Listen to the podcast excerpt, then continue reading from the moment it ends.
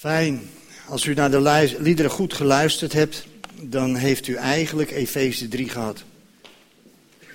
Ik had het ook doorgegeven. Uh, ik wil graag een aantal dingen zeggen over de Efezebrief. Omdat ik zo dankbaar ben met uh, onze Heer en Heiland Jezus Christus, die Heer is. En uh, het gaat om dankbaarheid, het is een thema. En we zijn dankbaar, we mogen dankbaar zijn. Er zijn een heleboel dingen gebeurd waar je ongelooflijk veel verdriet en pijn van hebt, dat draag je mee. Maar in dat verdriet en in die pijn zijn we uit elkaar soms gegaan in een vergeving. Dat is niet altijd tot een verzoening geworden. En daar zit voor mij verschil in. Vergeving en verzoening.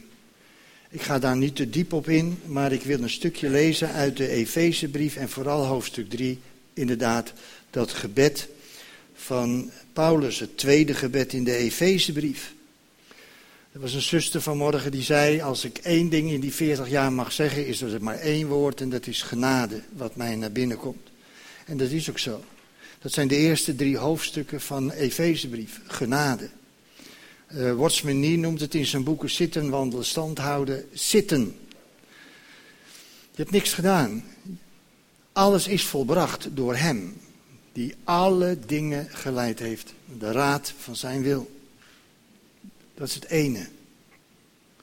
En het tweede is, dan gaat het wandelen komen in hoofdstuk 4. En in hoofdstuk 6 staat dan stand houden. Vanaf hoofdstuk 6, vers 10. Nou, die weg, daartussen zit een gebed. En dat gebed wil ik met u delen. Dat staat in Efeze 3 vanaf vers 14. En ik heb uh, mijn oude aantekeningen. Dit is een annotatiebijbel. Daar zit altijd ruimte om er tussenin te schrijven. En ik heb heel veel in deze Bijbel, die ik nu 40 jaar heb, geschreven. Daarom heb ik hem meegenomen, maar ik ben een liefhebber van de Statenvertaling. Dat is ook een van de redenen waarom ik het u lees vanuit de Statenvertaling.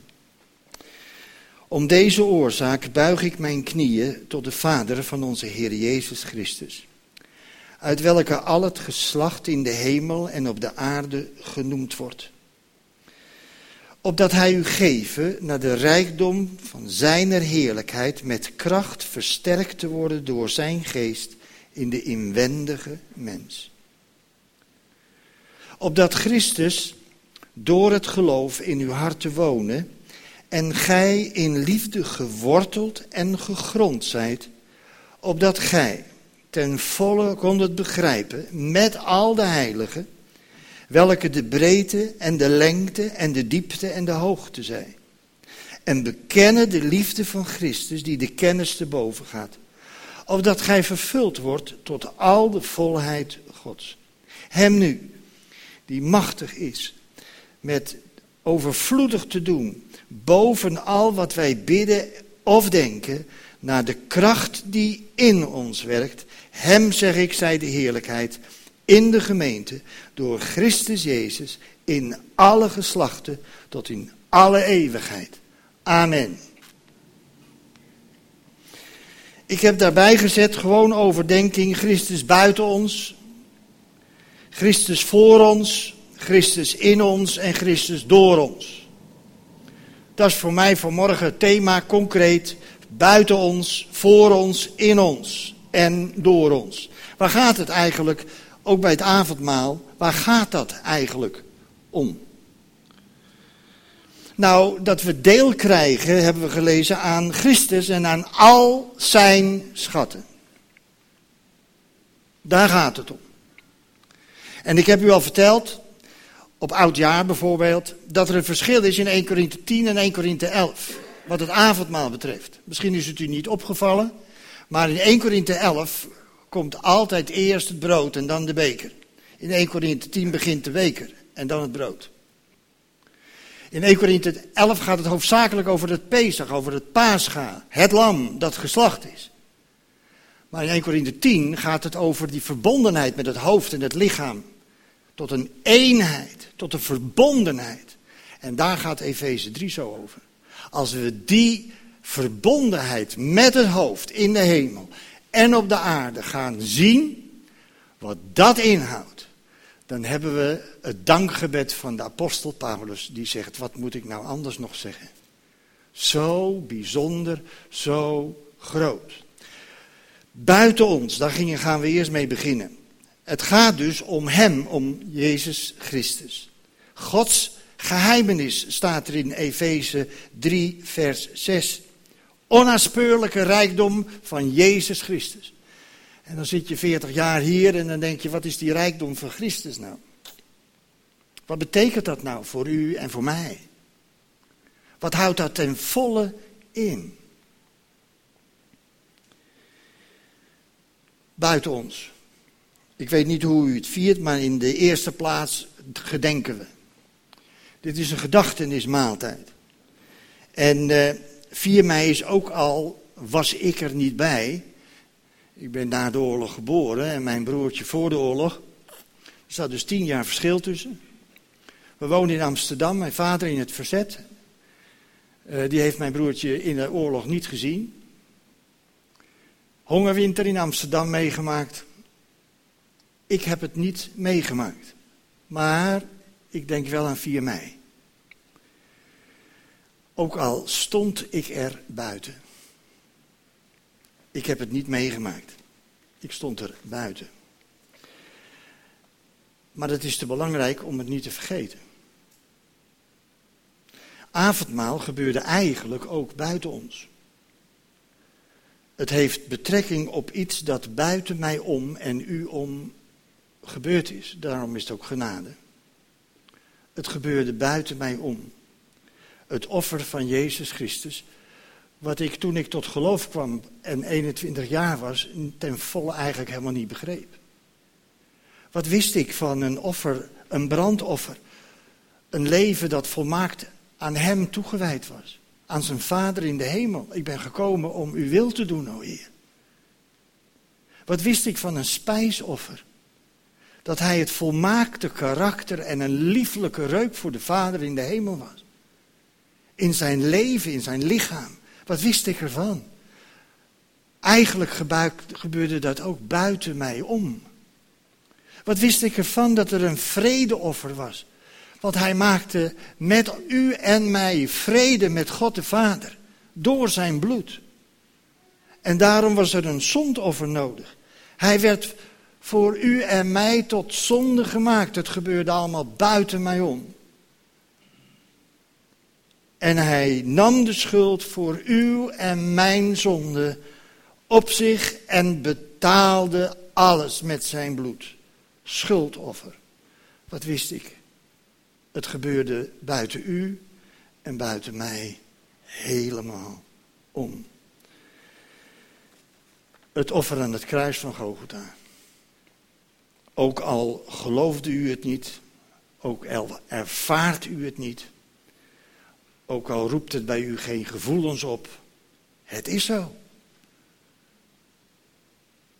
Het is buiten ons, heeft het plaatsgevonden.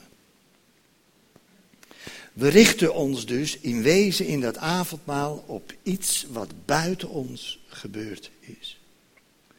En dan komt er een relatie. In hoofdstuk 1, ik vind dat altijd prachtige versen. Er is een boek van ik dacht een meneer Koek met een zee en die vertelde, Engelse schrijver, in hoofdstuk 1 van de Efezebrief komt het woord liefde voor. In vers 5 aanvaarding en in vers 7 vergeving. Liefde, aanvaarding, vergeving. En de God der liefde heeft u en mij in de geliefde aanvaard en heeft me vergeven. Daarom is hij voor u en mij gestorven. En als Paulus dat uiteindelijk ook uitbouwt en zegt, dat is het doel, ik wil je wijzen op de Christus.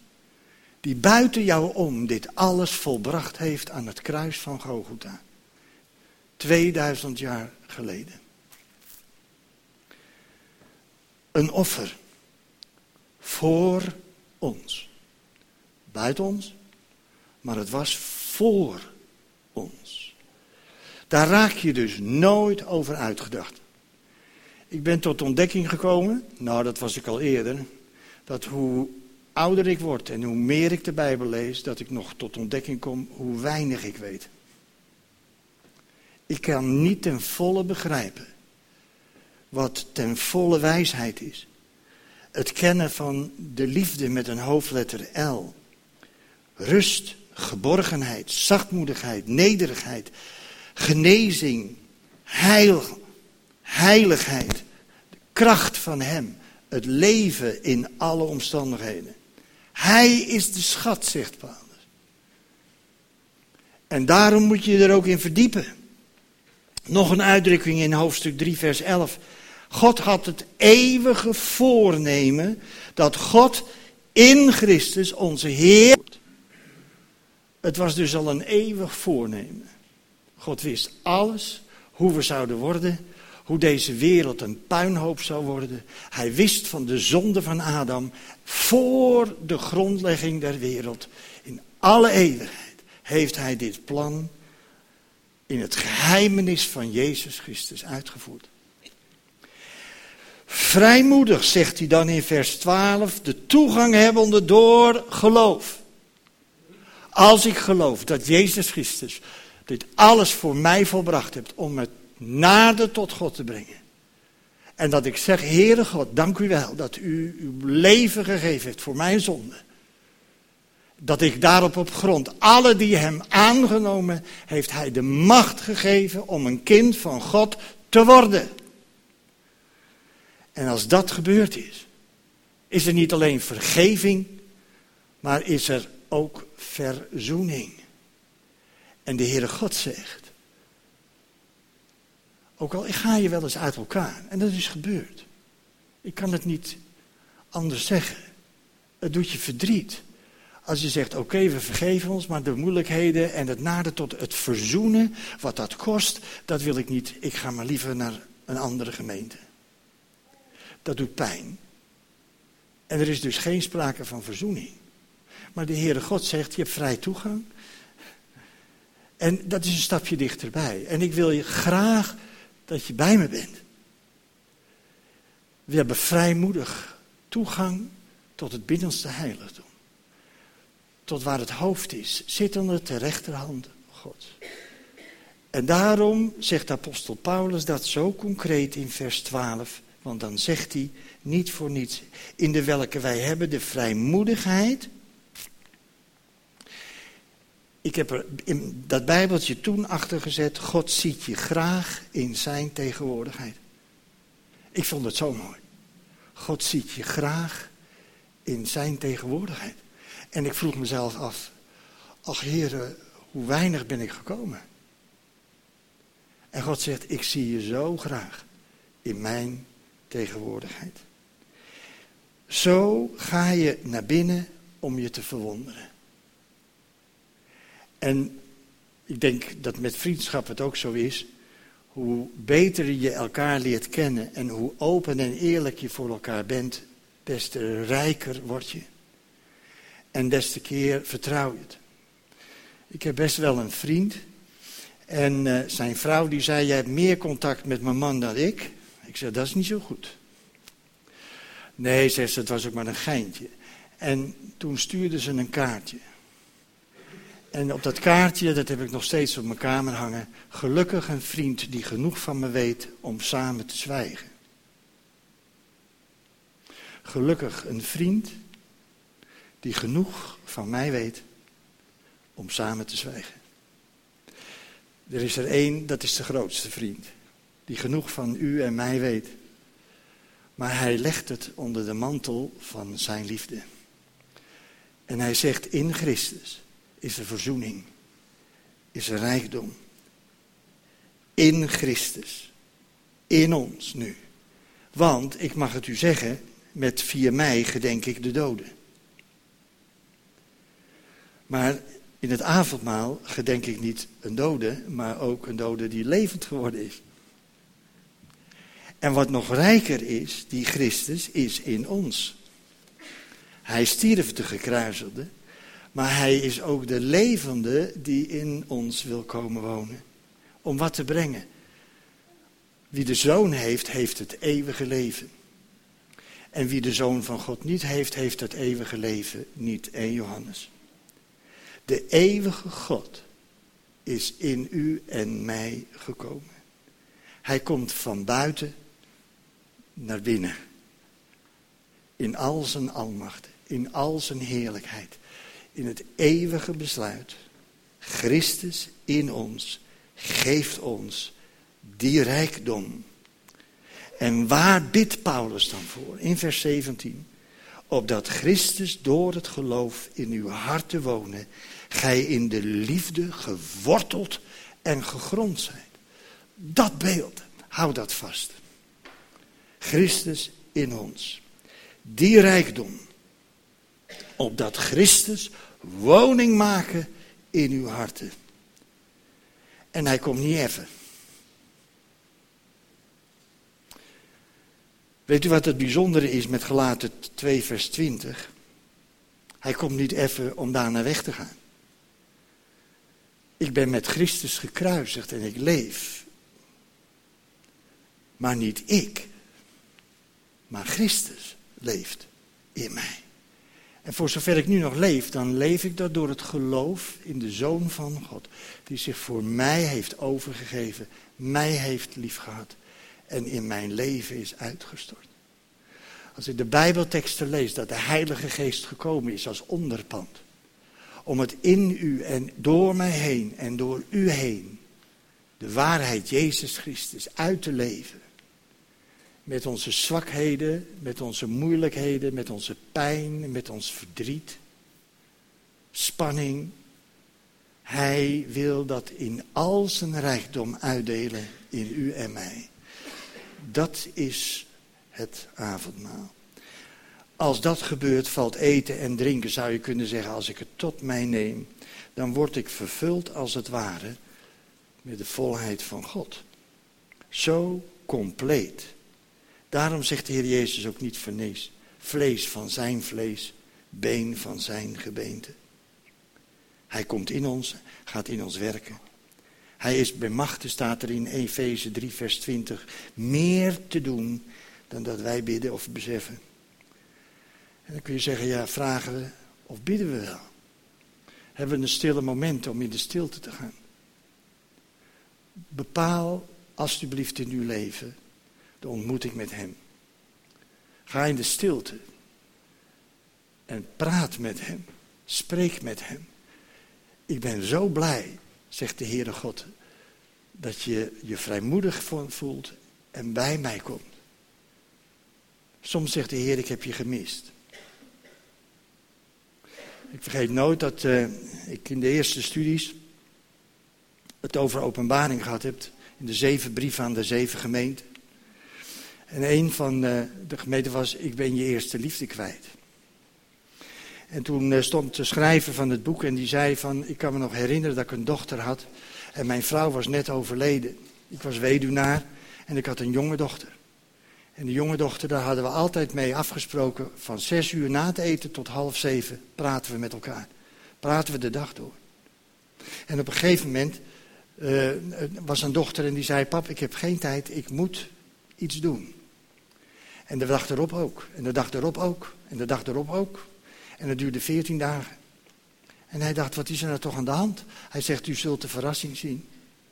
En na veertien dagen was hij jarig. En toen had zijn dochter een moccasins gemaakt. Pantoffels voor hem. In een zelfmaakpakket.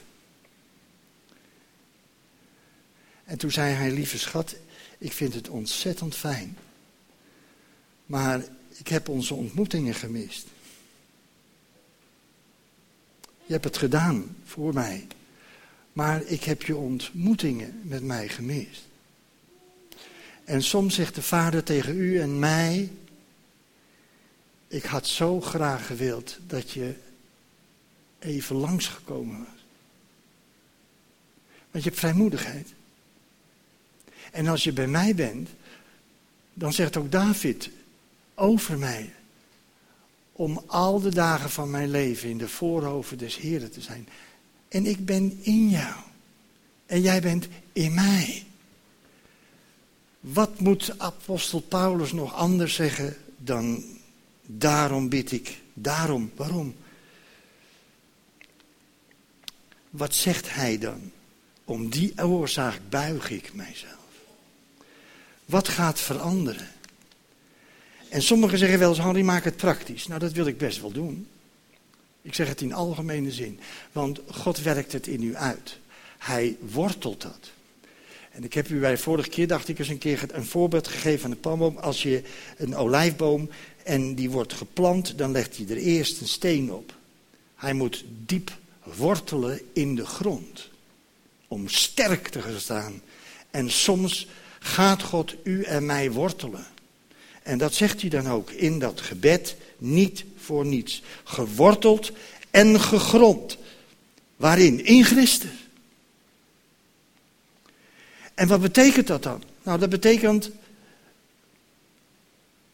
Word hervormd in je denken. Wat is belangrijk en wat is niet belangrijk? Nou, heel simpel. Wat vindt hij belangrijk? Wat vindt hij niet belangrijk? Bedenk dat. Tweede, ons gevoelens veranderen.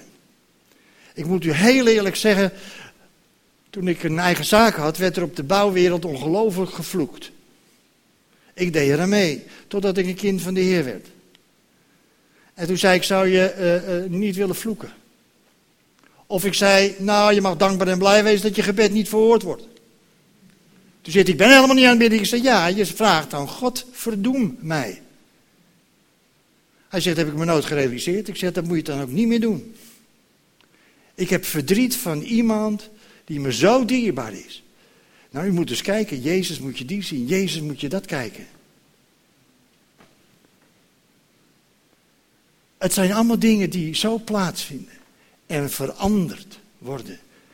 En ik kan niet zeggen, jij bent schuldig, je bent de dood door zonde en misdaad. Ik kan het ook anders zeggen. In liefde. En God verandert dat in de inwendige mens. Elkaar verdriet doen soms. Hoe kijk je tegen elkaar aan? Hoe kijk je tegen verslaafden aan? Hoe kijk je tegen mensen die verslaafd zijn aan de alcohol aan? Het verandert. Gaat u begrijpen dat de Heer Jezus soms uitkeek en omkeek naar hoer en tollenaars? Wat in ons negatief is, verandert ons in onze nieuwe mens. Heb elkander lief. Heb je vijand lief. Want voordat ja, je mij kende, had ik jou al lief. En wat doet hij nog meer? Ons doen en laten veranderen. Daarom acht een ander uitnemender dan jezelf. Zie niet op het jouwe, maar zie op het andere. En dan gaat Gods woord werken. Plotseling ontdek je, en ik had nog een stencil, ik denk ik ga hem even gauw Tenminste, als ik hem vinden kan.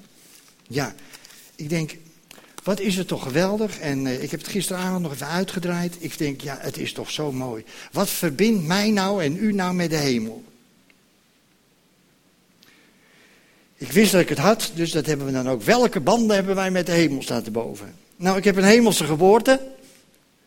Ik ben een kind van God geworden. En ik ben gezet in hemelse gewesten. En ik ben gezegend met alle geestelijke zegeningen in Hem, in al de volheid die in Hem woont, is dit nu in mij. Door genade. Omdat ik zijn kind mag zijn.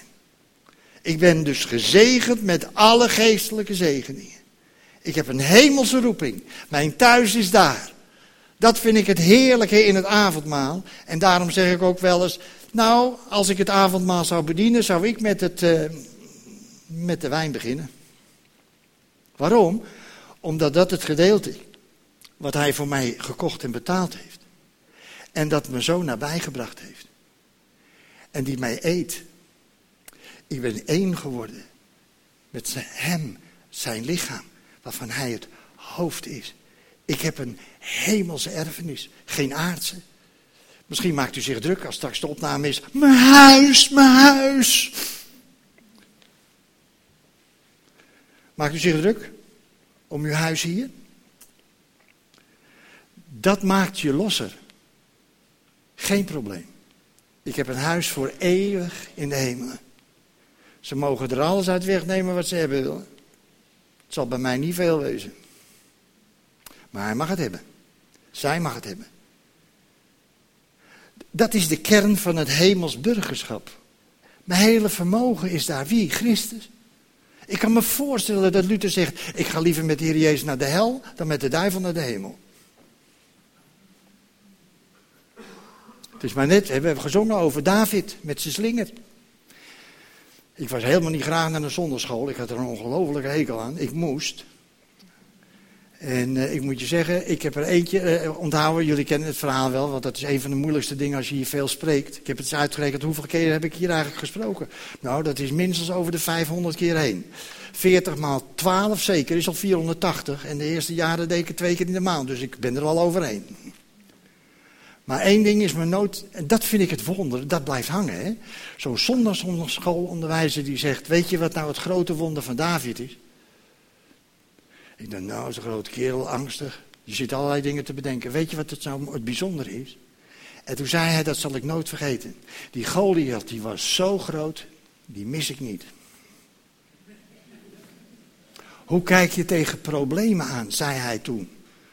Toen ik twaalf was.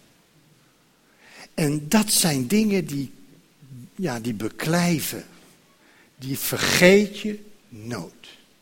Nou, dat, dat, mijn burgerschap, mijn, alles wat ik kan en doe, het is daar. Mijn Heer en Heiland is daar. Mijn woning is daar. Mijn hoge priester is daar. Mijn Vader in de hemel is daar. Mijn namen zijn daar bekend. Denk aan het, een lied dat in de wonden van zijn hand, zegt Stuart Townend dan, staat mijn naam geschreven. In de wonden van zijn hand staat mijn naam geschreven. Hij heeft betaald. Hij heeft me verlost. Hij heeft me verzoend. En dat mag ik beleven. Elke keer weer in dat geweldige avondmaal.